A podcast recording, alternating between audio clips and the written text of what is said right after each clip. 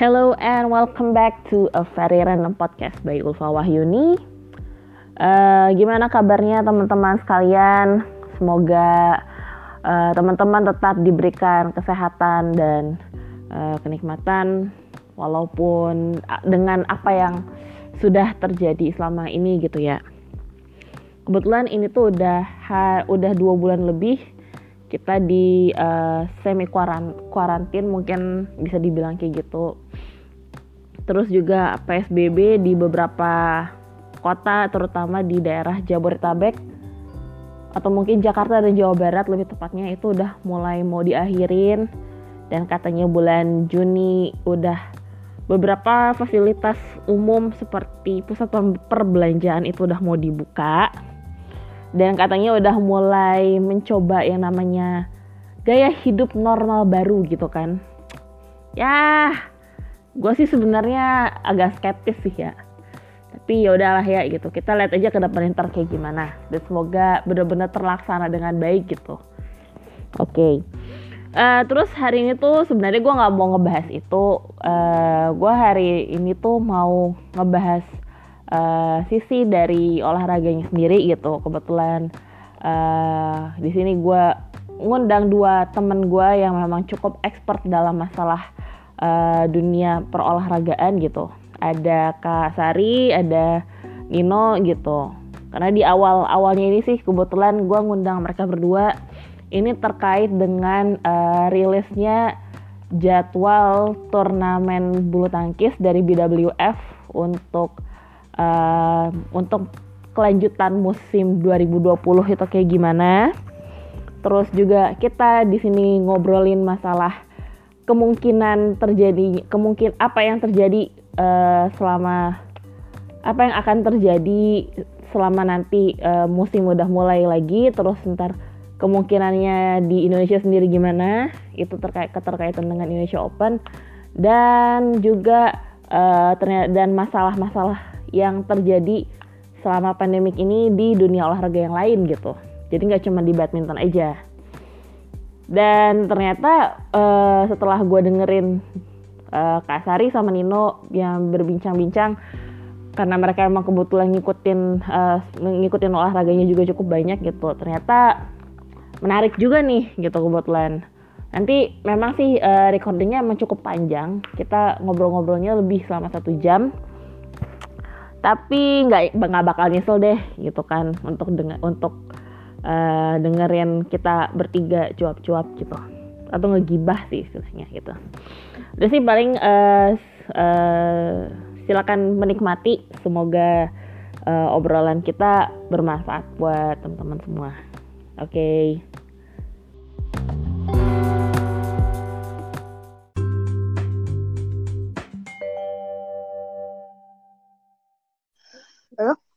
Baru masuk lagi. Gue gak tau deh kenapa putus ya. Nggak tahu. si ini bahasa... Kenapa? Ini kalau pakai wifi kadang begitu sih. Hmm. Nah. Ah, ini baru masuk nih. Baru masuk. Oke, okay, ya. udah. Sip. Mulai deh ya. Ya. Ya, Bismillahirrahmanirrahim. Assalamualaikum warahmatullahi wabarakatuh. Waalaikumsalam. Waalaikumsalam warahmatullahi wabarakatuh. Ya bentar-bentar, gue lagi. Nah, sip. Uh, gimana nih uh, kabarnya berdua nih? Sebelumnya Lebaran dulu lah ya, walaupun udah hamil, ha, udah hapus berapa sih sebenarnya gue lupa, tau gak sih? Eh, hapus sekian kan? hapus tiga ya, iya. Kan kan ya, gue udah ya. Iya. Uh -uh. Uh, Sumpah gue ini banget bener-bener saking lamanya di rumah gue udah nggak hafal lagi sekarang hari ini hari apa bener deh ya. Paling kalau inget hari Sabtu doang ya. Iya. Gimana nih kabar-kabarnya berdua? Waduh. Ya, begitulah. Apa ya? Gitu. Boring. ingat hari nggak inget tanggal, inget tanggal nggak inget hari. ya ya udah. Uh, ntar gue mau nanya nih sama Kak Sari satu nih.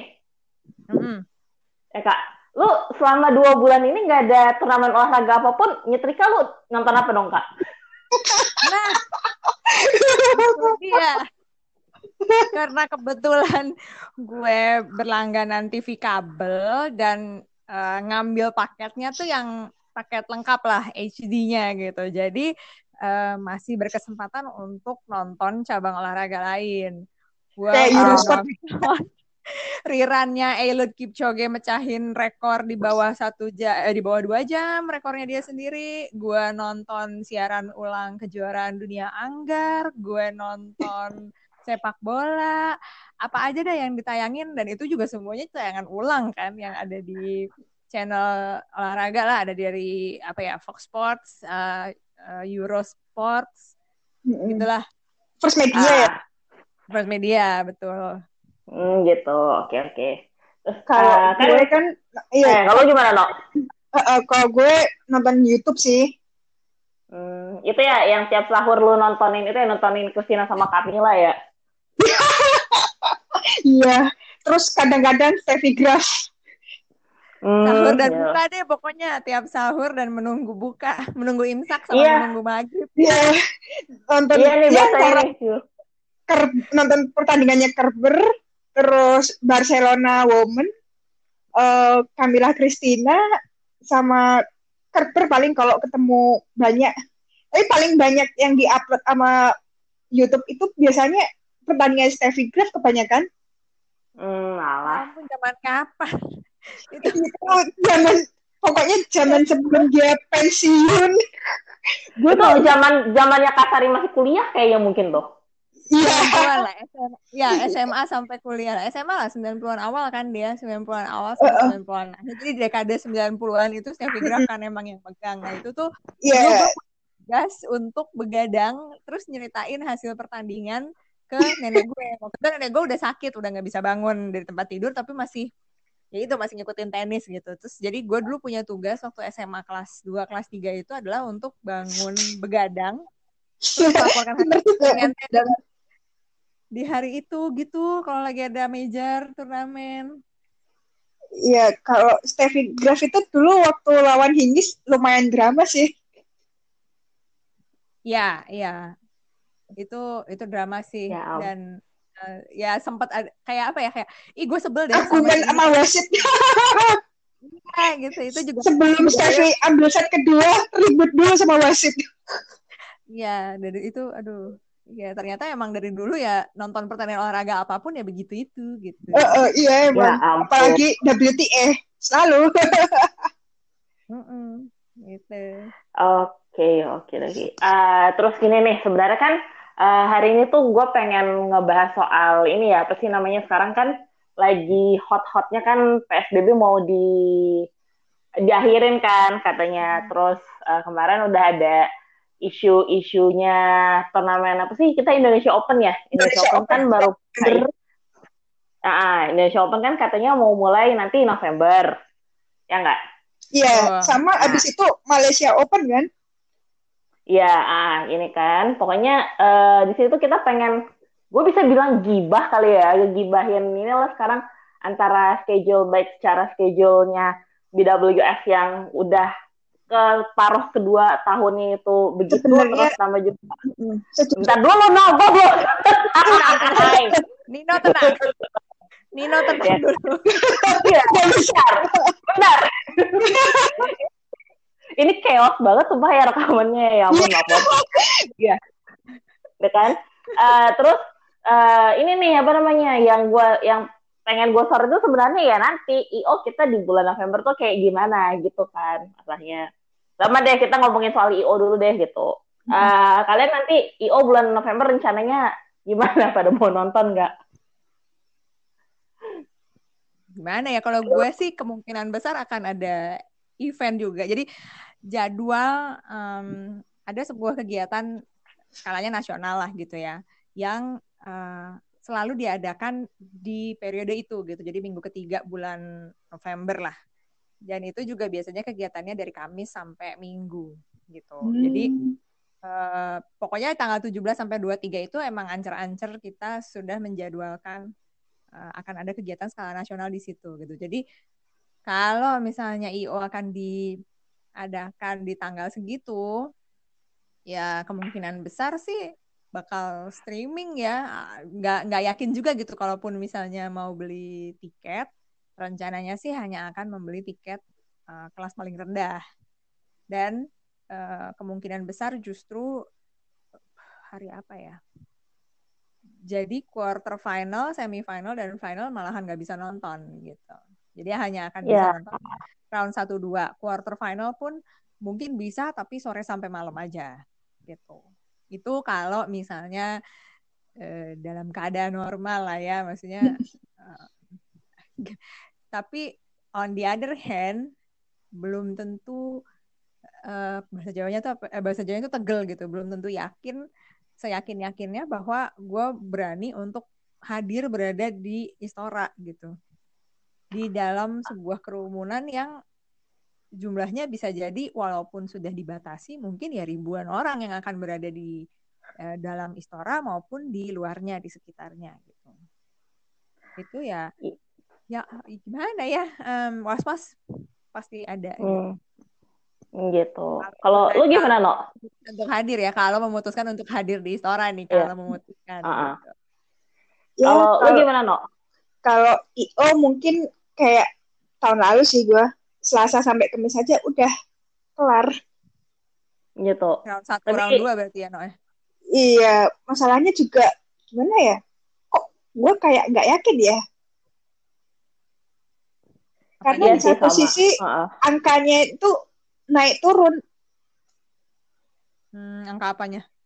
Angka positifnya COVID-19 kan di Indo kagak konsisten tuh.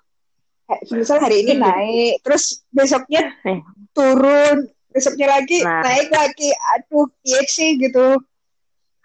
Nah, itu dia sama sih sebenarnya kan gue juga apa sih apalagi kan sekarang uh, apa sih PSBB kan udah mau diakhirin kan, terus katanya Jakarta, Jabodetabek kan itu udah mau masuk new normal nih katanya kan. Gue sih kalau misalnya yang gue takutkan adalah mulainya new normal ini malah, oke okay, mungkin mungkin pas waktu awal-awal kayaknya apa ya waktu awal-awal dibuka mungkin Juni awal mungkin kayak mungkin mungkin masih biasa aja. Nah takutnya nanti uh, pas waktu udah mau masuk masuk akhir Juni, akhir Juli itu malah kasusnya meningkat lagi gitu loh. Akhir Juni Juli gitu maksudnya kan ya nggak? Iya betul. Bener. Terus belum itu sih kayak gimana ya? Susah ngejelasinnya tuh. Gimana? Ayo gimana? Kayak kalau apa Yono? Ayo, Ayo coba Mbak Sari. Coba Kak Sari gimana Kak? Um, kalau dilihat dari skala yang kecil, kalau kita lihat di DKI Jakarta saja gitu ya. DKI Jakarta uh -uh. saja sampai hari ini masih merah bener gitu ya kalau dilihat di Jakarta corona.gov.id apa corona.jakarta gitu ya. Ada website khusus kan yang kita bisa pantau keadaan daerah kita kayak gimana gitu. Nah, kalau uh -uh. di sampai hari ini uh, aja uh, ya masih merah gitu di petanya tuh kita masih masuk zona merah nih DKI Jakarta gitu. Karena gue kan tinggalnya di DKI Jakartanya banget gitu ya. Itu tuh bukan Jabodetabek ya? Bukan gue di DKI Jakarta nih posisinya gitu. Dan itu tuh merah gitu. Petanya tuh merah bersemu merah semuanya. Mulai dari merah paling tua sampai merah muda. Tapi merah. Jadi uh, apa iya gitu. Orang yang uh, mau masuk berkunjung ke Jakarta yang bukan berasal dari daerah penyangganya Jakarta ya. Mungkin kan banyak ya ada yang tinggal di daerah penyangga Jakarta Satelit. tapi harus ya. Jakarta gitu ya. Uh, ya kasarannya Jabodetabek gitu. Itu mungkin masih kayak ya mau gimana lagi itu daerah tempat gue cari makan misalnya atau gue tinggal di Jakarta kerja di Jabodetabek atau sebaliknya ya mau nggak mau deh gitu ya. That's the new normal that I have to live with. Tapi uh, gak usah sampai ke luar negeri. Mungkin orang luar Jakarta aja mau berkunjung ke Jakarta ngeliat peta Jakarta semerah itu ragu-ragu nggak sih gitu? Ragu-ragunya bisa jadi karena nanti gue ketularan nggak ya kalau gue nekat pergi ke Jakarta? Ini urusannya bukan masalah kerjaan lah ya kayak gue berkunjung ke Jakarta gitu. Ini gue nanti kena ketularan nggak ya? Karena Jakarta semerah itu gitu. Atau sebaliknya oke okay, gue nggak ketularan gue baik-baik aja. Tapi pada saat gue balik lagi ke tempat gue berasal uh, gue akan jadi carrier nggak ya? Itu pikiran yang paling pendek lah yang paling gimana kak? Peta Jakarta saat ini uh, Gimana tadi? Sorry agak sedikit lost tadi koneksinya. Oke. Okay. Uh, eh, yang paling sederhana pikiran log, pikiran dan logika yang paling sederhana dari orang luar Jakarta ketika mau berkunjung ke Jakarta gitu kayak kalau saya masuk ke Jakarta saya bakal ketularan nggak ya di daerah semerah hmm. itu pun ketika saya nggak ketularan ketika saya balik ke ke daerah asal saya saya bakal jadi carrier nggak ya? Atau gue malahan uh, masa inkubasinya gimana ya? Kalau misalnya ternyata gue baru baru merasakan sakitnya tuh pas udah pulang gitu. Karena gue ketularan nah. di Jakarta. Itu kan logika yang paling aja ketika lo lihat peta Jakarta yang semerah nah, itu. benar benar benar benar ya nggak sih kalau misalnya secara lingkup kecil aja gubernur DKI udah batasi pergerakan warganya keluar lo bayangin skalanya digedein deh sekarang di Indonesia. Nah, lu let's see this not only sebagai jalan jadi venue atau tempatnya sebuah kejuaraan kelas internasional super seribu pula akan berlangsung. Terus kalau digedein orang luar nih gimana gitu. Ya sih.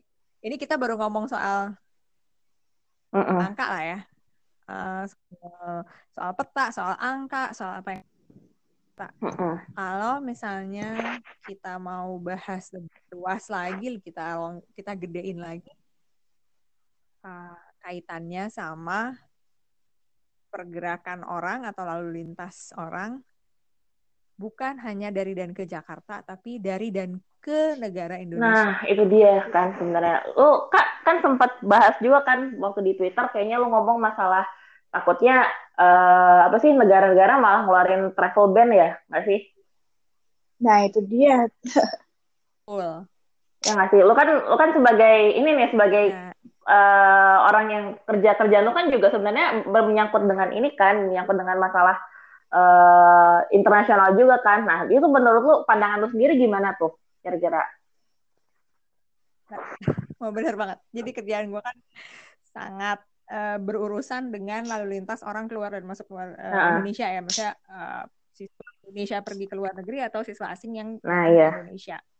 Uh, per bulan April aja dari, dari surat edaran atau keputusan menteri, pokoknya yang statement yang dikeluarkan oleh hmm. Indonesia adalah membatasi orang asing untuk masuk ke Indonesia, alias tidak akan mengeluarkan visa untuk pendatang, kecuali dia udah punya kitab, kitas, kitasnya pun juga kayaknya kitas tertentu, dia diplomat atau uh, apa uh, pekerja sosial kemanusiaan yang berkaitan langsung dengan pandemi dan ada pengecualian lain aku lupa deh tapi uh, kaitannya pasti lebih ke diplomatik aja hmm. gitu ya oh. sama yang punya kitab dan uh, jadi berarti kedutaan KBRI itu tidak akan mengeluarkan visa untuk siapa pun untuk masuk ke Indonesia terutama negara-negara dengan kasus tinggi misalnya Cina Italia dan mungkin sekarang Amerika Serikat. Amerika sih. Emang sih atlet ya mungkin atlet-atlet yang biasanya berkompetisi um, bukan berasal dari negara-negara tersebut gitu ya. Tapi lo bayangin aja sih kompetisi tanpa Cina. Yeah. Waktu kemarin aja udah nggak gitu ya. Nah sekarang ini kemungkinan besar akan kayak gitu lagi.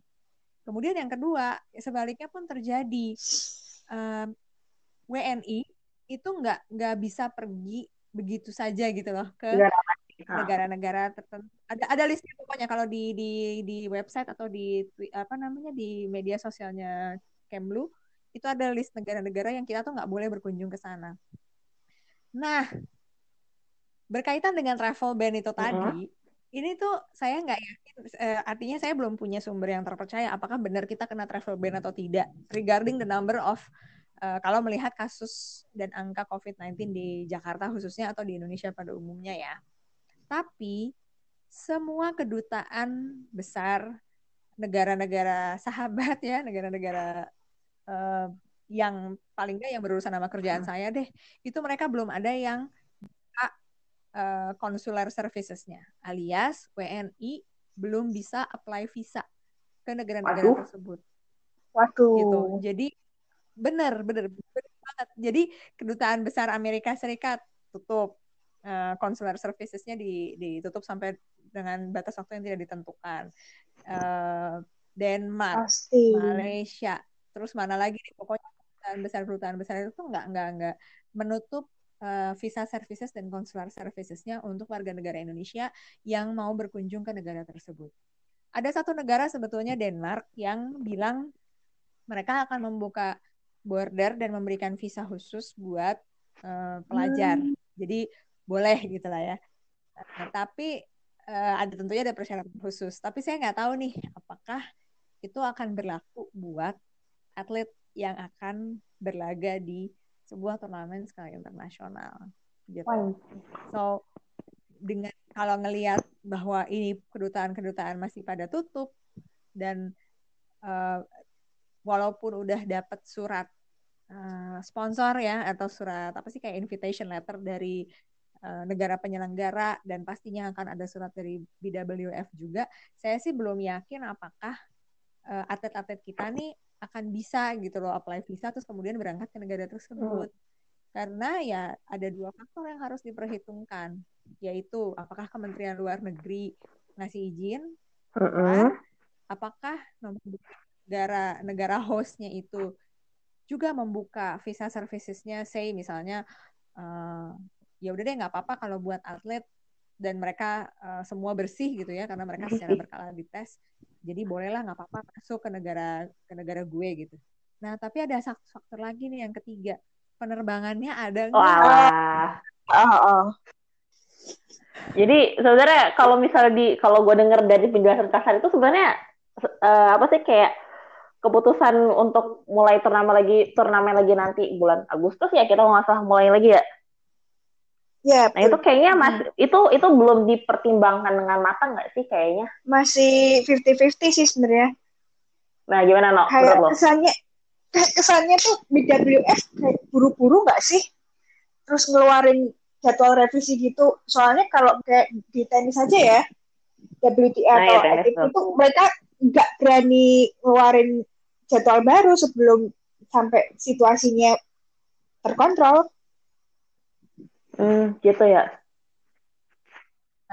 Masalahnya kan ukuran Iya, terkontrol beda, beda. Nah makanya. itu dia. Apalagi yang turna, kalau di turnamen tenis itu kan paling deket Amerika. Nah, Iya. bisa nggak sih gitu? Mm-mm. Kayaknya sih nggak yakin juga sih. Oh. Apalagi Amerika Ah, tuh Amerika. termasuk tinggi. Iya juga ya. Amerika mah main sebab 12 loh. Bener deh. Amerika dan Indonesia tuh 11-12 kok menurut gue. Iya benar gitu. Bahkan kata teman-teman gue yang eh tuh kebetulan gue punya teman kan di US gitu. Akhirnya dia cerita, dia kan kebetulan tinggalnya di di di ini kan di state of Georgia. Di Georgia itu sendiri kebanyakan emang daerah-daerah yang southern southernnya Amerika tuh emang udah pada mulai ngebuka eh, ini udah mulai udah pada ngebuka service kayak eh, toko kayak kayak even ini even ya restoran Restoran. juga dine in pun mereka udah nerima gitu kayak emang bener-bener ignore aja orang Amerika tuh emang bener-bener parah lah hampir sama kayak orang Indonesia gitu Iya. Terus eh, si presidennya itu kan bilang rumah ibadah buruan deh dibuka gitu. gitu ya gue belum baca malahan Iya, Gimana, gue denger. eh, Iya, itu, itu dan sebenarnya lebih bukan parah, bukan yang memperparah ya, cuman karena sistem pemerintahan mereka Betul. kan federal ya, jadi eh, eh, setiap state itu punya kayak Nah. hak sendiri gitu kan untuk menentukan apa yang terbaik state-nya gitu. Jadi eh, kalau by federal law itu dia boleh melakukan, ya dia akan lakukan itu gitu. Nah, kalau itu diadopsi di Indonesia ya jelas nggak mungkin sebetulnya karena walaupun ada otonomi daerah eh, di Indonesia pokoknya ya harus bisa pusat. gitu karena harus ada koordinasi. Betul gitu nah kalau berkaca sama Amerika ya susah artinya gini kalau dari segi segi laju laju pertambahan penderita laju eh, angka kematian dan sebagainya eh, ya Amerika nomor satu lah sekarang ya paling tinggi Tapi dalam hal penanganannya dan koordinasi dengan pemerintah pusat, benar sih 11-12 antara Indonesia dan Amerika. But I, kita nggak, we don't wanna touch that area untuk sekarang. Tapi kalau misalnya balik lagi ke penyelenggaraan event besar atau event skala internasional yang akan melibatkan banyak orang, itu uh, what's the standard sih sebetulnya? Nah. Gitu karena kan untuk penanganan pandemi ini Beda -beda. setiap negara punya Betul. standar masing-masing kan. Yang tadi kayak uh, sampai keadaan terkendali, sampai keadaan terkendali itu kan mm -hmm. tiap negara standarnya beda. Terus say misalnya untuk untuk untuk preventif pencegahan uh, dilakukan tanpa nah, penonton seperti B BTC BTC BTC penonton sehingga yang terlibat di dalam ruangan atau terlibat di di, di uh, turnamen the whole tournament itu akan terkontrol. Uh, that's a good idea dan sebuah inisiatif yang bisa aja dilakukan gitu. Tapi sampai sejauh mana sih inisiatif ini akan memberikan keamanan terutama buat atlet lah. Kita nggak usah mikir penonton dulu lah, kita mikir atlet. Toh kita juga mencari tontonan kan dari si para atlet. Betul betul betul. Kalau kita mikirin uh, apa namanya mikirin ego jadi penonton dah nih ya, jadi jadi fan jadi BL kita tahan dulu Asik. ego itu kita tahan ego sebagai BL fan girl uh, kita pikirin keselamatan atlet-atletnya dulu deh gitu sekali berlaga itu kan di Indonesia yes. Open ya, Indonesia Open seribu. Dia ada nggak ada, nggak ada. Super seribu sama super tujuh ratus lima puluh nggak ada. Iya. Nggak ada. Oke, okay.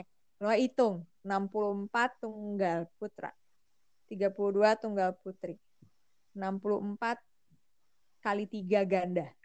Itu udah berapa orang atlet? Belum lagi ofisialnya. Belum ofisialnya.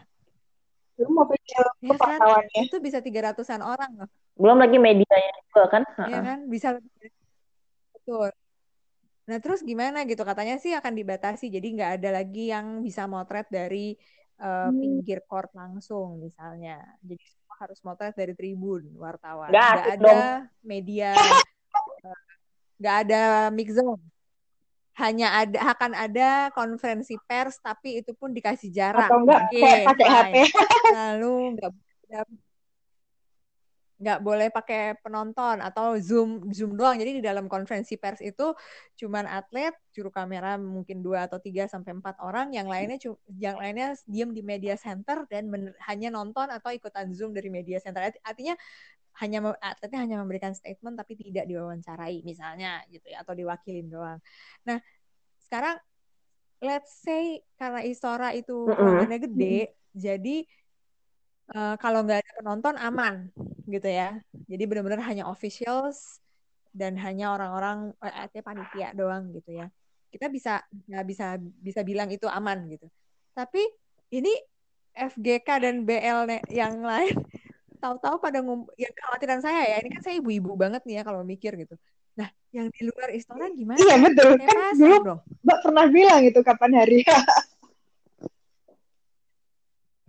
Nah iya gitu. Karena orang Indonesia itu kan nekat ya. Jadi kayak udah dibilangin nggak boleh masuk nggak ada penonton pasti tetap bakal ngumpul di sekitaran Istora. Ya. Hmm, apalagi kalau sampai ke hotel ya Noya ya kita.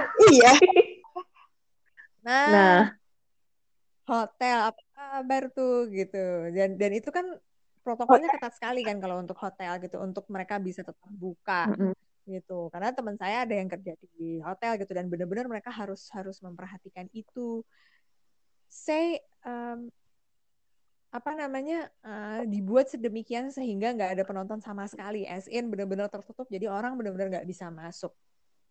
Jadi uh, kalau dilihat dari sisi penyelenggaraan yeah. turnamen, kebutuhan si atlet untuk bertanding, kebutuhan eh, apa namanya asosiasi, ya kebutuhan si atlet lah untuk bertanding, dapat poin dan kemudian eh, ya kalau kita mikirin itu aja, mungkin oh ya udah gitu bisa itu dilaksanakan gitu. Tapi eh, masa iya turnamen sebesar Indonesia Open Super Seribu uh, ada penontonnya, yeah. gitu ya. Itu kalau kita lihat dari sisi, sisi genitnya Sisi aja genit. gitu. Masa nontonnya? Sisi genit banget bahasanya kak. Heeh, gitu. Sisi, sisi- ya kayak pengen tampil dong gitu. Gue ngapain gue tepak-tepak mulu tengah lapangan kagak ada yang nonton ya kan? Tapi di sisi em, Heeh. penyelenggara gila itu biarpun nggak ada penonton, biarpun dibikin sesederhana mungkin. Artinya it's not about entertainment but it's about the event itself. Gue tetap butuh ngeluarin Gue tetap butuh besar cuan loh. gitu ya. Iya. Iya dong. Modalnya da- modalnya tuh udah gede banget loh. Menyelenggarakan sebuah event di Istora itu, Istoranya doang udah berapa miliar nyawanya. Satu hari, Iya. ya. Jadi itu hitungannya udah udah udah M tuh. Jadi satu hari harus ngeluarin sekian M itu untuk sewa tempat, untuk listrik, keamanan, harus bayar asuransi, harus bayar utilities, eh, harus nyewa orang tentunya. Iya. ya kan? Eh, Masa nggak dibayar gitu ya? Orang Heeh. maksudnya security pasti security harus ditambah. Janitor pasti harus ditambah ya. Untuk sanitasi pasti harus ditambah. Jadi ada beberapa beberapa cost yang tetap harus keluar gitu. Itu miliaran loh tiap hari. Per hari itu M Iya, hitungannya. nah itu eh, hotel transportasi kan pihak hotel harus tetap dibayar dulu kan untuk untuk uang jaminannya gitu. Walaupun nanti ya mungkin atletnya bayar sendiri atau gimana gitu. Cuman kan harus ngeluarin duit buat jaminan ke hotel-hotel yang ditunjuk. Betul betul betul. Eh, ngeluarin, ngeluarin uang juga untuk eh, apa ya perizinan untuk yang masalah non teknis gitu itu pasti keluar. Nah itu makanya saya bilang mau nggak penyelenggara ngeluarin duit sampai segitu besarnya tanpa ada penonton, which means tidak ada pemasukan dari tiket aja nggak Oh. ada. Terus kita minta sama sponsor. Selama ini kan sponsor utamanya kita tahu siapa. Eh, Sponsor utama beserta anak-anak perusahaannya yang biasanya nutupin biaya itu gitu. Nah kalau misalnya kita minta uang sama sponsor gitu, terus buat sponsor Benefitnya apa? Iya. apa dong untungnya bu apa gitu kita nggak bisa jualan di standnya kita nggak bisa masang reklame oke lah pasang reklame dan bisa disorot sama televisi gitu ya bisa masuk TV gitu. Tapi eh, tetap aja kan ada yang ada, ad- apa perhitungannya tuh nggak pas aja gitu tetap. Unless it's kecuali kalau itu kemudian jadi jadi kayak ladang amal aja gitu which I doubt eh, sponsornya juga mau Ladang amal. Ya CSR dong ya, CSR kan buat dunia olahraga Indonesia ya kan? Yang penyumbang medali emas Olimpiade secara konsisten dari awal gitu. Ya mungkin aja dia mau CSR dan which by the way mereka sudah melakukan itu terhadap olahraga bulu tangkis kan selama ini. Cuman what's in it for us-nya tuh nggak nggak nggak nggak imbang gitu antara eh, misalnya eh, karena sekarang kan Haksiar juga udah punya BWF kan bukan bukan punya asosiasi apalagi punya televisi lokal gitu jadi rugi, tetap rugi gitu karena nggak bisa jual hak siar nggak bisa eh, ngambil terlalu Hmm. besar dari dari beriklan gitu pokoknya hitungannya nggak pas lah kalau menurut saya loh ya jadi em, bahkan saya meragukan apakah asosiasi dalam hal ini PBSI tetap mau berani untuk melaksanakan Iya sih. gitu. Bukan karena risiko risiko COVID-nya ya, bukan karena risiko pandemi, bukan karena risiko coronavirusnya, tapi apakah berani gitu untuk ngeluarin investasi, ngeluarin duit lah gitu ya segitu banyak, segitu gede untuk menyelenggarakan event segini gede. Karena nggak bisa dikurangin jadi ya udah deh biasanya lima hari jadi tiga hari aja kan nggak bisa. Itu itu sangat tidak mungkin kalau harus digituin. Lah itu emang atletnya mau main sampai jam 2 pagi gitu. Lah orang biasa aja R, R3 ya. Ya nggak bisa. R32 aja kadang-kadang sampai jam sampai sampai malam banget sampai jam 10 sampai setengah 11. sampai jam 11. Heeh. Saya, saya misalnya jumlah atletnya nggak sampai segitu gitu ya. Jadi kayak banyak yang bay lah atau apa gitu sehingga bisa berkurang gitu pemakaian eh, gedungnya. Pemakaian gedung, pemakaian eh, istoranya gitu. Tapi kalau saya rasa sih nggak mungkin eh, kurang dari lima hari gitu, pelaksanaan eh, sebuah kejuaraan atau turnamen sebesar itu gitu. Nah, jadi ada dua nih yang yang perlu di yang yang apa ya jadi concern saya selaku ibu-ibu Ya, nih. Ibu-ibu Nah, satu, BL ini eh, ngomong-ngomong. eh, ya, ya, ya gimana? Eh gila loh gitu. Ini, ini Jakarta masih semerah ini dan dan nggak mungkin tiba-tiba dalam waktu berapa nih? Lima uh, tiga bulan di bulan Oktober gitu. Ini sekarang udah bulan masuk bulan enam kan hmm. kan bulan Juni bentar lagi. Uh, udah bulan enam ke bulan sepuluh. Uh, lima bulan. tiga bulan terus tiba-tiba yeah. jadi hijau gitu nggak mungkin kan gitu. Nggak mungkin dalam waktu empat lima bulan ini gitu. Tiba-tiba jadi hijau semua.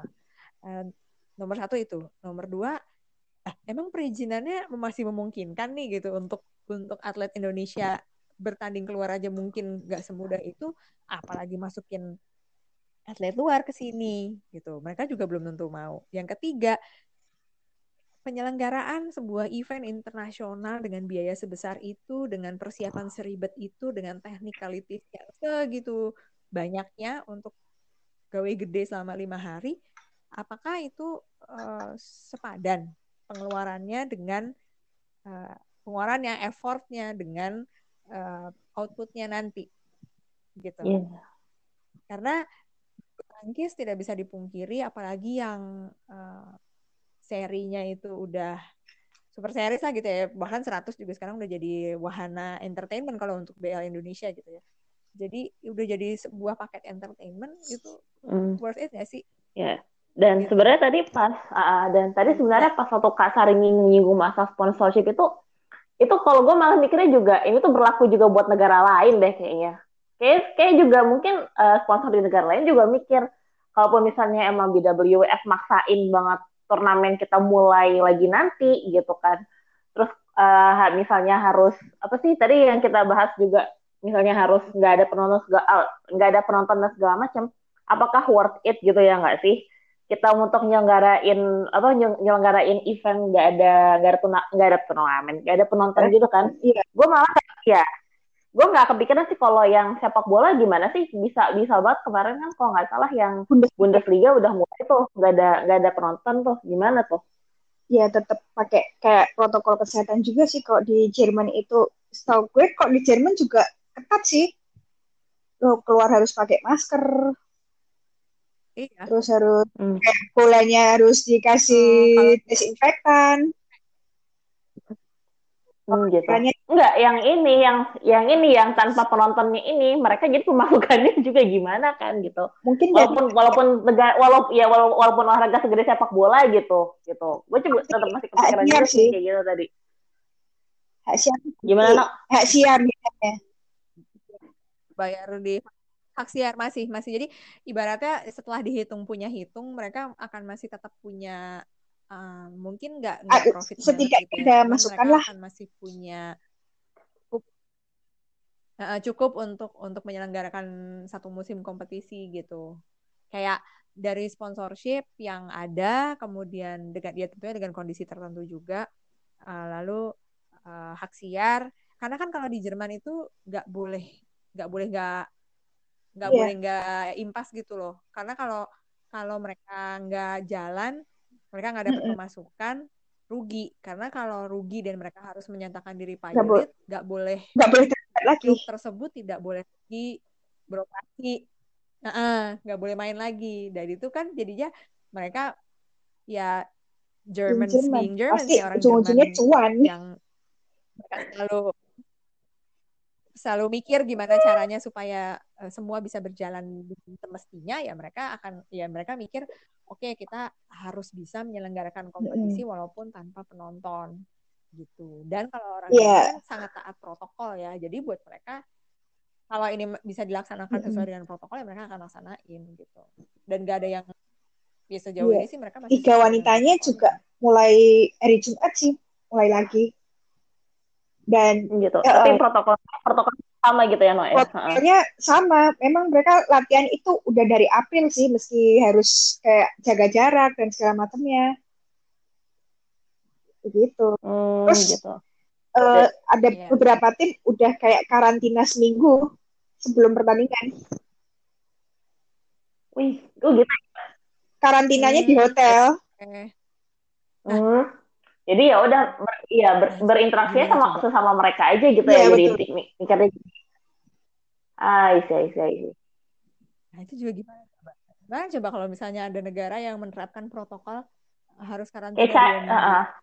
Karena BATC juga kemarin di Filipina kayak gitu kan. Ada akhirnya ada atlet yang nggak bisa memperkuat negaranya karena dia harus dikarantina dua minggu dulu, which means dia nggak Iya, bisa. China, uh, Dan liga China kan yang kemarin gitu. uh-uh. Liga wanita yang China, tinggal Jerman aja sih. China begitu. hmm, Saya nggak yakin kalau Itali mau jalan apa enggak karena apa ya? Kayak tarik ulur gitu loh masalah protokol kesehatan. hmm. Inggris juga masalah belum. keuangan. Juga masih Terus kayak kan.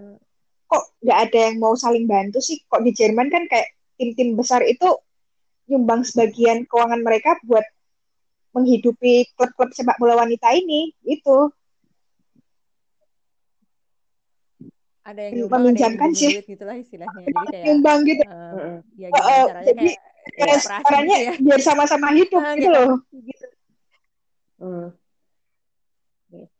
Ya, karena ya peraturan di Jerman kan emang gitu. Jadi nggak boleh ada klub yang uh, pilot kalau uh, berada betul. di red line ya mereka nggak boleh berkompetisi. Mereka harus cari cara dulu gimana caranya sampai bisa hitam lagi, baru mereka boleh berkompetisi lagi di musim Iya, berikutnya. dan Itu kan nggak boleh di kayak langsung Inggris ke kasta United tertinggi States. kalau habis bikin klub sepak bola wanita.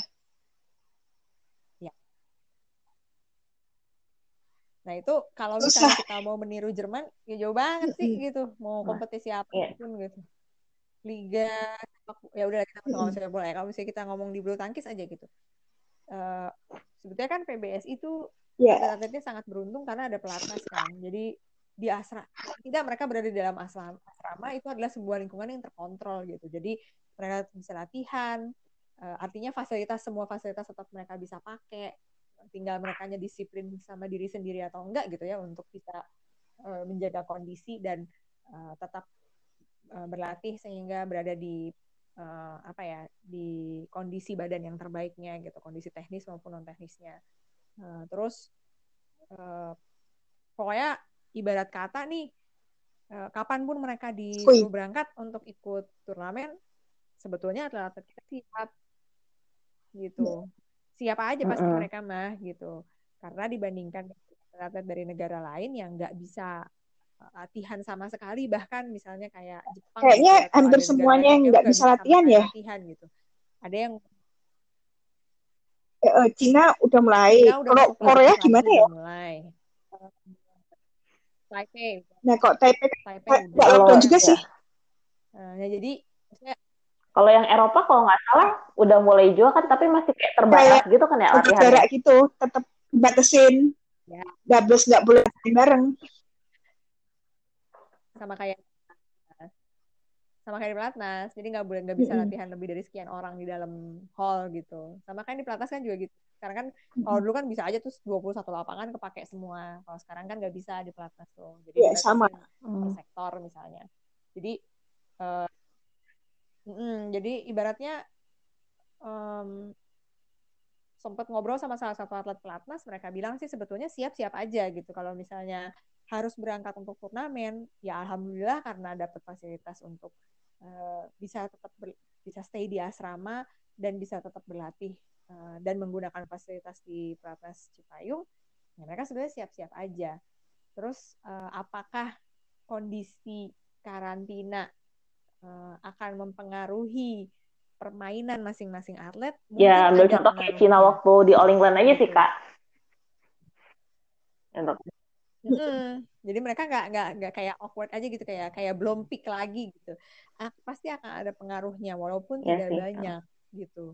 Tetap akan ada pengaruhnya walaupun nggak banyak. Kalau atletnya pinter jaga diri, jaga kondisi sebetulnya mungkin kondisi fisik tetap bugar tapi awkward aja gitu karena udah Mm-mm. lama nggak berada di lapangan dan nggak berada di tim kompetisi gitu. Jadi si atlet ini bilang eh, mungkin kalau dari sisi siap apa enggak sih kita turnamen nih sebetulnya ya siap-siap aja gitu. Kalau dari atlet-atlet eh, pelatnas di PBSI ya, terus eh, tahu nggak sih kira-kira atlet-atlet dari negara lain gimana ya? Mereka pasti punya punya standar kesiapannya sendiri gitu. setuju, setuju, Cuman setuju. mungkin pada saat mulai bertanding lagi akan kayak kagok lagi untuk menyesuaikan em, apa menyesuaikan diri untuk berada di lapangan dan Iya ikut sih. kompetisi lagi.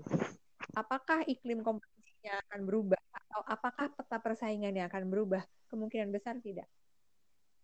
Karena uh, apa ya once you're in once you're in there gitu it's not that easy to to to to apa ya to bring you down gitu jadi kayak yang top 5 ini akan tetap berada di top 5 nih untuk tiga bulan sampai enam bulan ke depan despite all the competitions winning or losing gitu karena kalau uh, mentalnya udah teruji ya mereka mau mau mau awkward kayak mau apa mereka akan tetap cepat bisa menguasai keadaan gitu. Jadi peta persaingan di top 5 itu nggak akan jauh berubah. Walaupun awkward di saat-saat pertama uh, di kompetisi pertama nanti atau di, di apa namanya di turnamen pertama yang yang mana pun ya yang mana pun yang Iya, betul. Tapi kalau balik Nah, ini ya sebenarnya tadi gue kepikiran yang uh, kata Nino tadi kan kalau misalnya di liga liga sepak bola wanitanya Jerman kan mereka ada karantinanya dulu kan sebelum sebelum kompetisi iya, ya berarti ya. Nah itu kan pas All England eh pas waktu Jerman sama All England kemarin kan yang tim China iya, kayak gitu ya. Hampir sama. Iya kan? Nah gitu kan. Iya sih kalau misalnya mungkin uh, buat uh, buat tim yang segede China, mungkin buat Indonesia, buat Jepang mungkin bisa bisa sih mereka kalau misalnya mau karantina dua minggu, dua maksudnya dua minggu sebelum apa sebelum mulai pertandingan kayak gitu kan kayak diungsikan dulu kan mereka ke Cina waktu itu diungsikan ke ke Inggris nggak sih kalau nggak salah? Inggris. Iya. Inggris. Inggris. Ya kan? ke Inggris. Itu kan. Ya kalau misal karena mereka kan emang kebetulan dari ada dananya kan dan di, difasilitasin juga kan. Nah, masalahnya kalau misalnya atlet-atlet dari negara lain kayak gimana? Apalagi kalau yang misalnya yang pemain-pemain profesional yang emang budgetnya terbatas, apakah mereka bisa gitu? Maksudnya kan untuk benar-benar bisa stay lebih lama yang dari dari biasanya gitu kan. Belum lagi biaya hidupnya Oke deh kalau di Indonesia mungkin kata si kata si Robin Tabeling emang mereka emang emang lebih suka lama di Indonesia karena biayanya lebih iya. murah yeah. gitu kan enggak no. ya. Benar. Yeah. Di Asia, di Thailand gitu. Ya. Iya. Yeah. Ya Thailand ya gampang yeah. lah ya gitu di di uh. Indonesia Thailand di Malaysia Jepang ya, gimana gitu. kalau di Jepang nah, itu dia bilang sendiri ke gue nah itu kan bahkan atletnya sendiri ada yang bilang kan mereka kalau misalnya di ya, mohon maaf nih di Jepang nggak bisa lama-lama karena biaya hidupnya mahal gitu iya iya ya enggak Benar. Terus masalahnya fasilitasnya bakal di, di bakal disediain sama siapa nih kalau misalnya mau karantina full kayak gitu? Apakah dari kedutaan mereka masing-masing? Ah. Gue nggak tahu Cina kemarin tuh dari kerutaannya bukan sih? Gue nggak Kayaknya Enggak deh, kayaknya asosiasinya mereka deh yang benar-benar nyari dari networking mereka sendiri gimana caranya supaya semua atlet ini bisa segera sampai Inggris gitu pada saat itu kan sempat ada yang ketinggalan dua orang juga kan Herding Chow sama Lindan kan sempat uh, bermasalah di visa gitu sehingga mereka berdua tuh baru gabung setelah uh, hampir mulai kompetisi nah. turnamen lah gitu salah satu turnamen jadi kayaknya sih nggak bukan kedutaan mereka gitu tapi ya networkingnya nah. CBA yang yang benar-benar kerja nih gitu untuk uh, memastikan bahwa atlet-atletnya bisa bisa berada di tempat yang aman uh, di waktu yang aman gitu supaya mereka tetap masih bisa mengikuti uh, banyak turnamen gitu walaupun ada sempat beberapa turnamen mereka miss gitu. cuman sekarang gini kita mau ngomongin soal karantina dua minggu nah lihat aja jadwal iya, iya, ya. back to back mana bisa makanya karantina kalau di Jerman seminggu sih Mengapa? Tuh. Ya enggak, walaupun seminggu pun juga misalnya kayak kayak ngambil contoh yang apa sih yang Indonesia Open juga sebelum Indonesia Open kan ada jadwal yeah, juga nih. Nggak bisa karantina juga sih. Nah, paling enggak mungkin ya kalau mereka udah pulang Indonesia Open Iya, paling karantinanya gitu. Tapi kalau misalnya pas waktu mau masuk negaranya, kalau misalnya nih emang kebijakan dari negara tersebut, taruhlah misalnya mungkin uh, Denmark gitu misalnya. Mereka ada kebijakan atletnya kalau mau masuk kalau mau masuk ke negara sana harus ada mereka harus dikarantina dulu dikarantina dulu misalnya sekian hari atau mungkin seminggu atau mungkin dua minggu sebelum boleh uh, beraktivitas gitu kan misalnya sebelum nah misalnya sebelum dari Denmark uh, sebelum mereka dari Denmark sendiri masalahnya udah ada ada kompetisi lagi nggak nih misalnya gitu kan atau mungkin jangan Denmark deh, uh, misalnya uh, Prancis deh. Soalnya kan sebelum dari Prancis kan uh, sebelum uh, French Open kan Denmark Open.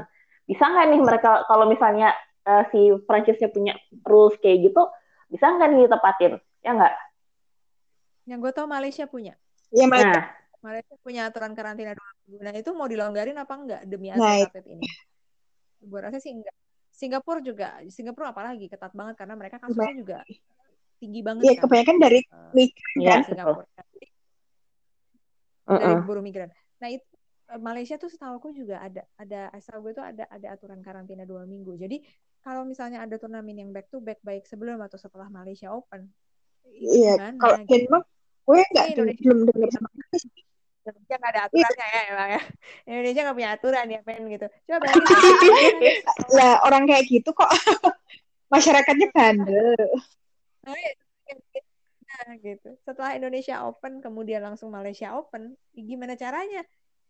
Apa harus memilih untuk berada di Malaysia aja dulu nggak usah ikut Indonesia Open supaya gue bisa ikut Malaysia Open karena gue harus karantina dua minggu. Atau sebaliknya, gue ikut Indonesia Open, which means gue nggak bisa ikut Malaysia Open karena saya nggak akan bisa masuk ke Malaysia eh, dan di karantina dua minggu gitu. Nah ini apakah Nah. BWF mikirin ini gitu? Iya, Eh, dan imbasnya top commit ya. Betul. Nah, gue mau gue top commit sekalipun dan gue dibebasin untuk milih turnamen apa aja karena misalnya gue udah top commit, gue udah qualified for Olympics juga gitu. Jadi gue punya kebebasan untuk memilih gitu. Itu juga nggak nggak nggak bisa begitu saja karena gue maunya ya kan gue nggak bisa ikut yang 300 gue udah harus ikut 500 ke atas sementara jadwal 500 tujuh setengah seribu kayak begini ya gue mendingan gue hilang poin deh daripada gue nggak bisa ikut Olimpik gara-gara gue sakit misalnya. Eh bentar-bentar, emang eh, kualifikasi Olimpik udah nggak jalan lagi atau gimana sih? Gue kudet kayak lu Masih yang ada bilang tadi kak. Masih ada sisa 6. Masih Hmm, ada sisa 6 turnamen yang dibekukan di awal tahun. Harusnya ada sisa 6 turnamen yang masih bisa jadi qualifi- qualifiers-nya Olimpiade. 6 turnamen tersebut sebagian ada yang saya nggak tahu, ah, gue nggak tahu apakah dari 6 itu ada yang di diundur ke akhir tahun ini ataukah semuanya dialihkan ke tahun depan. Tapi kalau nggak salah sebelum bulan April 2021 itu si turnamen-turnamen tersebut tuh masih uh, masih bisa di kayak lo masih bisa ikut turnamen tersebut sampai April 2021 gitu. Jadi yang gue masih belum belum belum tahu adalah apakah si ada enam ya kalau nggak salah si turnamen-turnamen yang jadi Olympics qualifiers yang dibekukan ini itu kapan diiniin ya diperhitungkan ulangnya? Apakah di akhir tahun ini atau di awal tahun depan?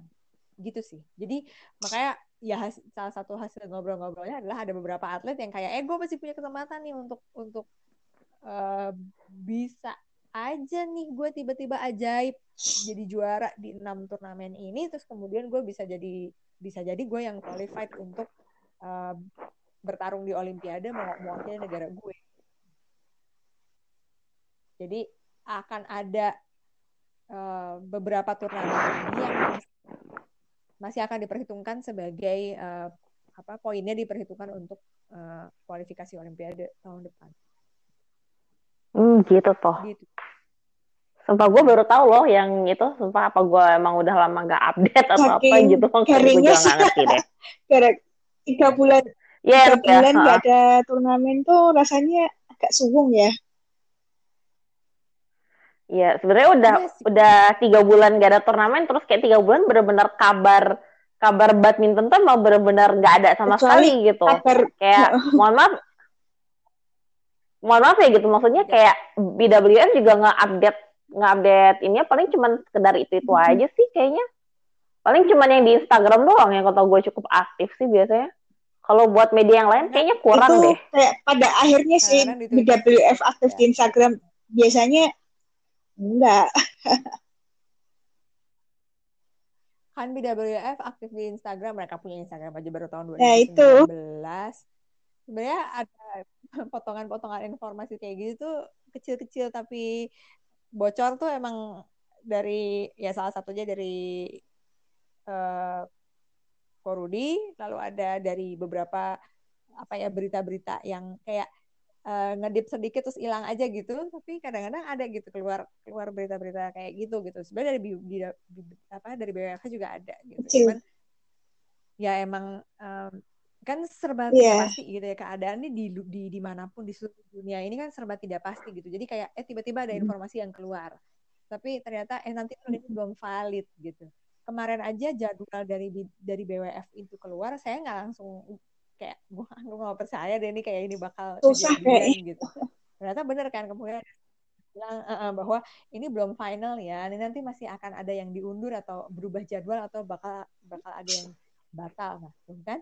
Jadi ya kita nggak bisa berpegang teguh sama jadwal yang kemarin dikeluarin sama BWF gitu karena bisa jadi eh, masih ada perubahan gitu. Bisa jadi ada yang batal bisa jadi ada yang berubah jadwal.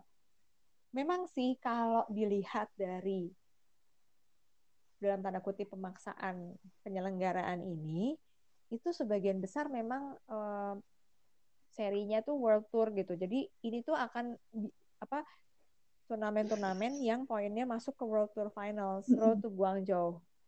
Ya sorry to say nih, mohon maaf nih, masa iya eh, WTF nggak mau memperhitungkan ulang nih poinnya atau nggak mau memperhitungkan ulang nih sistemnya karena yang dipaksakan jalan dengan jadwal back to back padat merayap itu sebagian besar adalah eh, Restu Guangzhou. turnamen Ya. Iya. Coba perhatiin deh. Makanya kayak ini kok maksa banget sih gitu. Gue sama sama Oli lah ya. Karena kita berdua paling intens ngomonginnya sama eh, ini apaan sih kok kayak begini setelah ngomel kita perhatiin jadwalnya.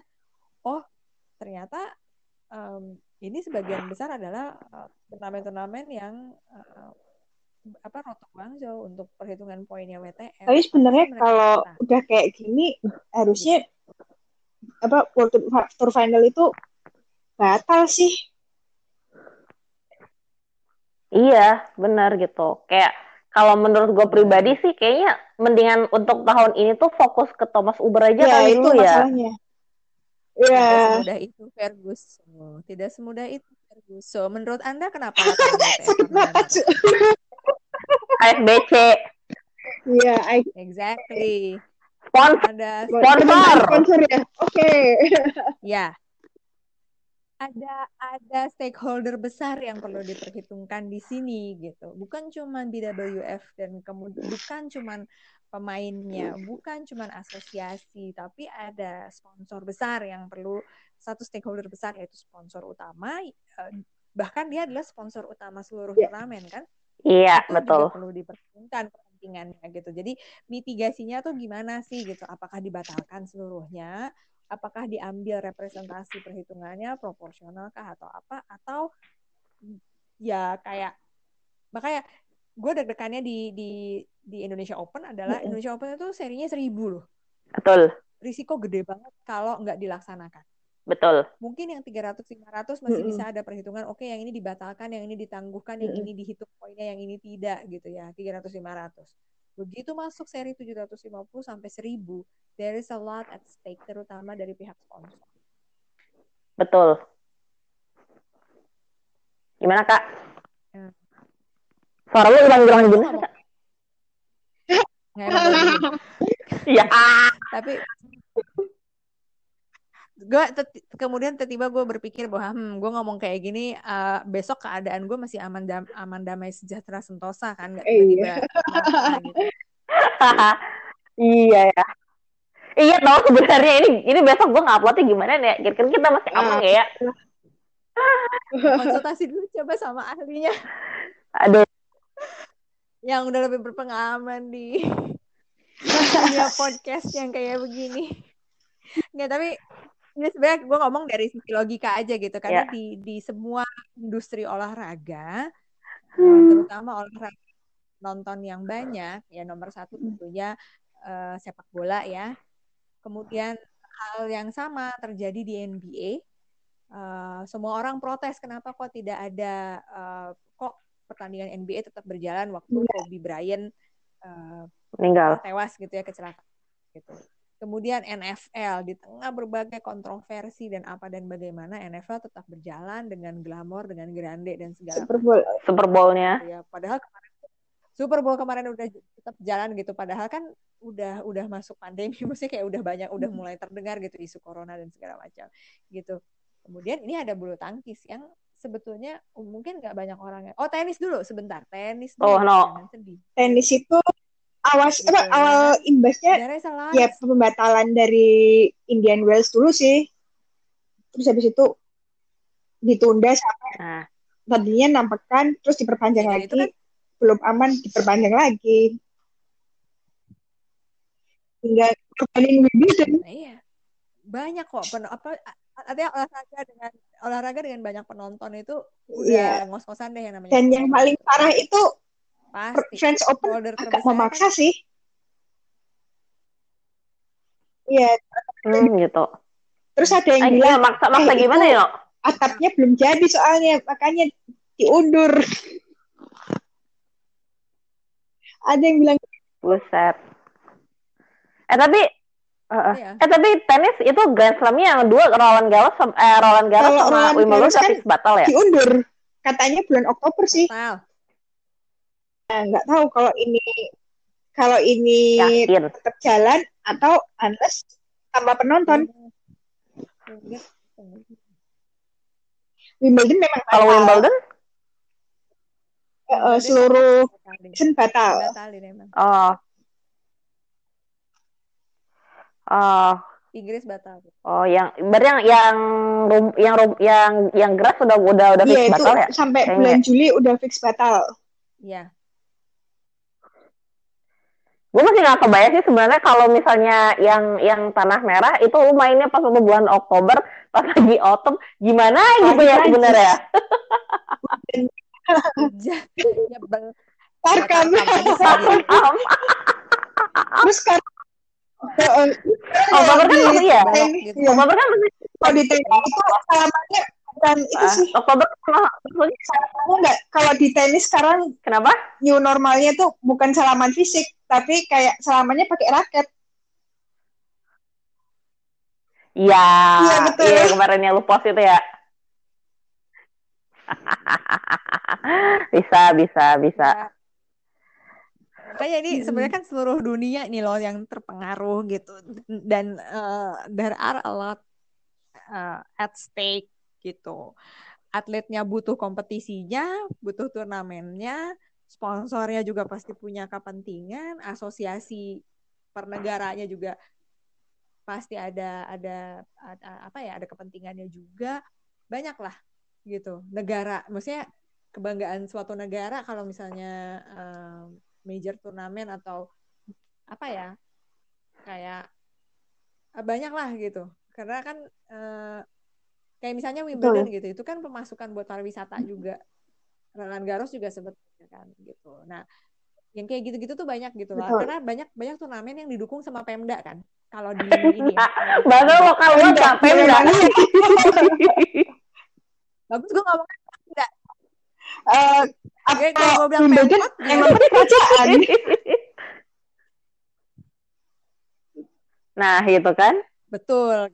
Jadi, jadi eh, mungkin ya ya gitu gitu. Jadi eh, apa banyak gitu. There, are- there's a lot at, at stake gitu. Di di, Iya, di setiap sport sebetulnya sih udah terimbas banget gitu. Baseball di Amerika, bayangin aja eh, semua pertandingan di bulan mulai bulan April udah udah batal gitu dan itu kan Pasti. menyebabkan klub-klub kecil ngos-ngosan gitu karena mereka nggak punya pemasukan gitu dan dan eh, apa klub-klub besar juga mereka Iya. ngos-ngosan juga jangan salah karena mereka kan juga harus bayar gaji pemain Mm-mm.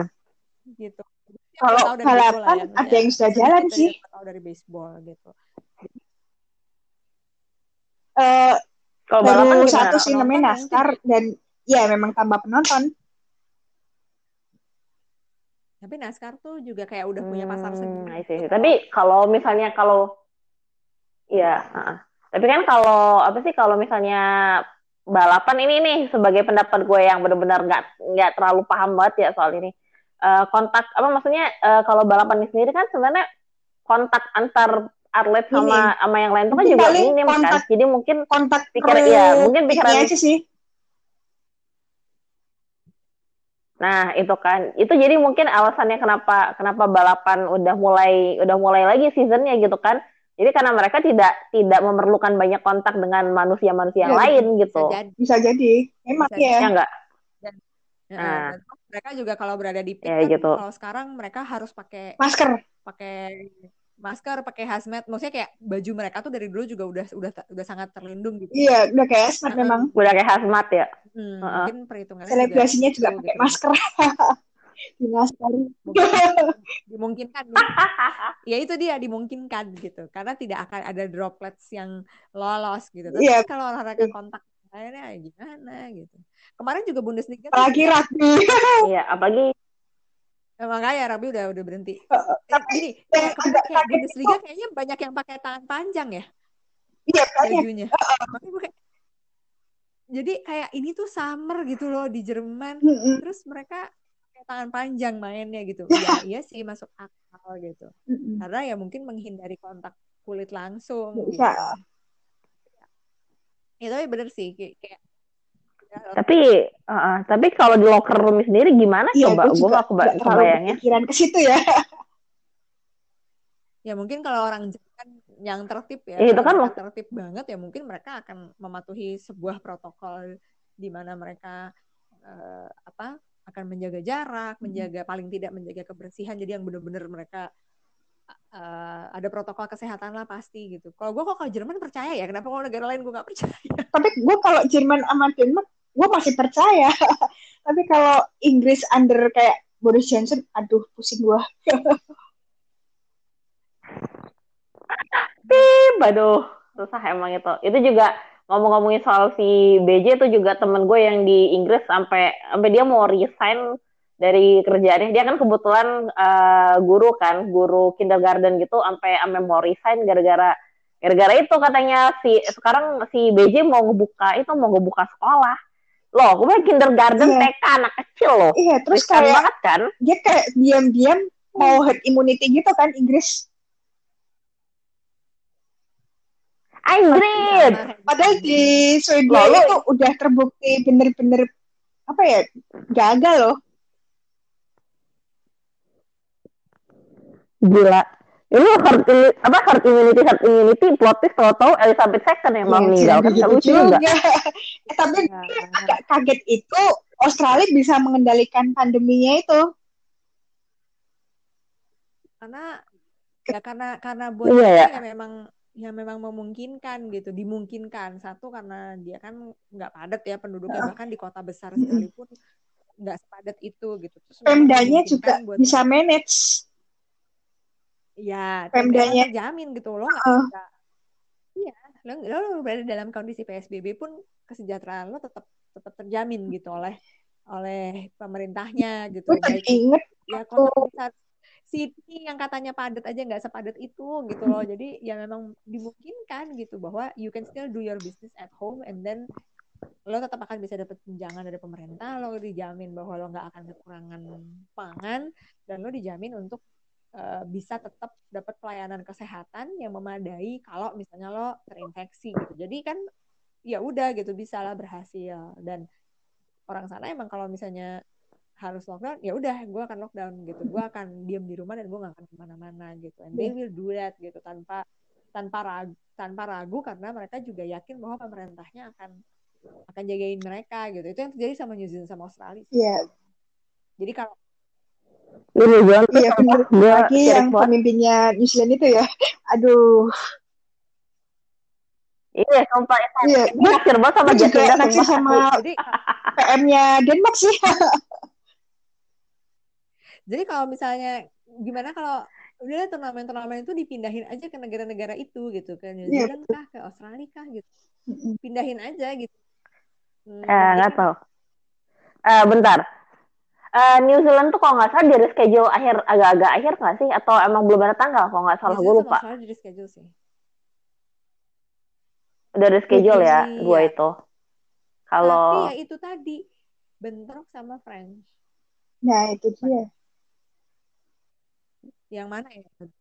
berarti kalau kayak gitu, nah berarti kalau kayak gitu mungkin eh gue sama Nino sebenarnya sempat ngobrol juga sih kak kayak eh, apa sih pas waktu itu gue sama Nino ngomongnya eh misalnya kayak kayak kondisinya kayak Marin kayak Lauren Smith ya kan mereka di eh, Shad Modi kan Mhm. kebetulan bentrok sama Hmm. Indonesia Open nih nah apakah mereka bakal Indonesia main di uh, Indonesia Open atau mereka mm-hmm. atau bakal di set modi gini. Karena kalau kalau Marin sendiri kan emang tahun kemarin gak ikutan. Ya kan? Dan dia tahun kemarin di set modi juara. Tapi kalau gue rasa ya enggak. Kalau gue rasa sama, uh, mungkin tetap memilih Indonesia Open gimana? sih. Kalau dia karena kalau dia karena, karena ngejar gelar pasti. Guangzhou. Kalau Lauren, nah itu yang gue nggak tahu, belum tanya juga sih. Kasusnya sama. Iya. Saya Jonathan Christie ya. sih. Jonathan Christie sama Antonio. Itu juga mereka harus milih antara French atau uh, atau New Zealand ya kalau nggak salah Jonathan juara di New Zealand atau Australia. Dua-duanya. Dua-duanya. Nah, oke okay, di salah satu itu. Karena An Seong juara di New Zealand. New Zealand. Oke, okay, mereka harus milih antara New Zealand sama French Open. Jonathan Christie dan An Seong. Oh iya, French Open juga. Juara di... Dan kebetulan An Seong juga juara di French Open, bukan sih? Iya. Uh, An Seong juara di French Open. Iya, An Seong Jonathan Christie runner up di di French Open. Nah, they have to choose. Uh, uh. Adil nggak adil kan kalau kayak gini nah, gitu. ini kayak bener gua, kayak dilematis dong. Makanya gitu. Itu yang membuat kita, kita yang yang gini, yang terbiasa melihat badminton dari sisi turnamen dari sisi poin, mm, poin. dari sisi si atlet dari sebagai uang. atlet ya, bukan atlet sebagai idola, bukan atlet sebagai idola, itu pasti concern kalau jadwalnya kayak begini gitu.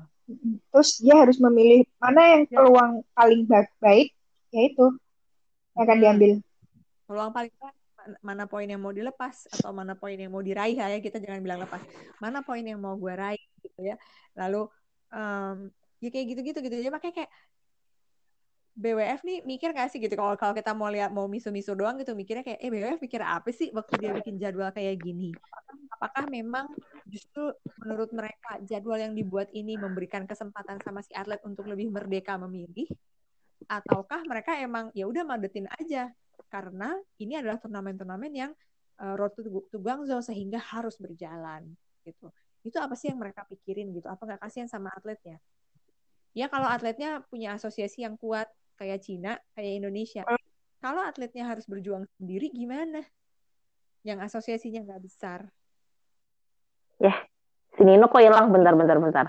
Lanjut, lanjut dulu, lanjut dulu, Kak. Jadi, makanya kalau untuk untuk untuk orang-orang yang melihat olahraga sebagai suatu suatu industri, gitu, karena gue gue gue sih sebagai sebagai pemerhati uh, olahraga gitu ya olahraga apa pun, gue bisa nih merhatiin olahraga dari sisi atletnya dari sisi asosiasinya tempat si atlet bernaung, dari sisi kompetisi atau turnamen uh, yang uh, ya ya di, di, di within the the sport gitu, sama industri olahraganya. Itu dipikirin gak sih gitu sama orang-orang yang berwenang di situ gitu, karena satu hal aja yang dibuat oleh uh, satu pihak nih satu stakeholder itu bisa ke mana-mana ripple efeknya atletnya berbuat sesuatu bisa ripple effect ke industri. Apalagi kalau atletnya atlet top. Contohnya waktu Kento Momota kena kena skandal, the whole sport kena ripple effect-nya. Sebaliknya, ketika BWF selaku organisasi yang menaungi olahraga ini secara industri membuat suatu keputusan, itu ripple effect-nya udah bukan ripple effect lagi bisa jadi tsunami gitu. Contohnya jadwal yang mereka buat saat ini. Tentunya mereka memikirkan sponsor sponsor utama uh, kompetisi apa tuh sponsor utamanya BWF lah ya sponsor utamanya turnamen serangkaian turnamen yang berlangsung. Tentunya mereka memikirkan atletnya juga karena atletnya butuh poin gitu. Mereka memikirkan juga gimana caranya supaya roda turnamen roda kompetisi tetap berjalan gitu. Karena again ada major turnamen yang yang harusnya dipikirin yaitu uh, olimpiade. Jadi kalau misalnya kita singkirkan dulu ego sebagai uh, eh, BL yang mengidolakan suatu atlet atau eh salah seorang atlet atau egonya BL yang uh, eh, gue kangen nih sama kompetisi soalnya kompetisinya seru banget gitu. There are a lot of things that we need to consider uh, dan biasanya memang membuat kita jadi concern banget. Ini bener nih kompetisi atau turnamen A, B, C, D akan tetap berjalan, akan dijadwal ulang sesuai dengan jadwal yang yang yang dirilis oleh BWF kemarin. kecilin lagi Indonesia deh. Indonesia Open bener nih mau dijalanin di uh, dilaksanakan tanggal 17 sampai 23 November. Ya mungkin aja bisa berjalan mungkin aja PBSI akan tetap uh, mendukung dan melaksanakan selaku asosiasi mungkin aja pihak sponsor tetap akan um, membiayai gitu ya atau uh, menyokong sebagian dari uh, biaya penyelenggaraan turnamen ini. Mungkin aja pemerintah daerah DKI Jakarta, pemerintah provinsi akhirnya mengeluarkan izin untuk Iya sih, benar. Mungkin aja loh. Gitu ya. Iya kan, mungkin aja gitu. Karena kalau kita mau ya udah positif thinking aja ini pasti akan bisa. Bisa deh pokoknya bisa. Oke. Okay. Yes, bisa. Gitu. But then what kind of new normal are we going to face ketika si Indonesia Open ini uh, akan berlangsung. Lalu ekstrem bawahnya lagi ya batal udah karena nggak mungkin. Mau dibilang nothing is impossible, ketika ada satu stakeholder atau ada satu sekrup yang lost atau nggak bisa dipasang ini sekrup, ya batal semua. Ya then we have to apa ya kita juga harus berbesar hati bahwa oh tahun ini tidak ada turnamen di Indonesia. Baik yang seri paling besar yaitu Indonesia Open maupun seri yang paling kecil Indonesia Master 100. Hanya karena uh, ada satu virus yang tidak diduga-duga efeknya bisa uh, Oke. Okay. begini. Ya, sip, sip. Tapi ya itu tadi diharapkan teman-teman bisa ngelihat dari dari banyak sisi lah ya, bukan cuma dari satu atau dua sisi. Okay. aja. Gitu. Ini gue nggak ngerti Nino tiba-tiba dia menghilang terus uh, eh, gue nggak bisa nginfoin dia balik lagi. Tapi kayaknya berarti udah udah lumayan ini juga ya kita ngobrol udah cukup panjang juga. Uh, terima kasih loh kak gitu kan banyak banget loh ini sebenarnya gue insight-nya hmm. gitu kan benar-benar berguna banget ya semoga gitu kan ya Sama-sama, senang bisa ngobrol oh. bertiga cewek-cewek ibu-ibu ini. Iya. Sama kak, gue juga nih, gue sebagai ininya nih, gitu kan. Oke, baik. Ya udah deh. Uh, ya, baik. Terima kasih. Iya, sama-sama Kak. Oke, segitu dulu deh ya. Ya, ini semoga ada nih hasilnya. Oke. Bye. Bye. Thank you.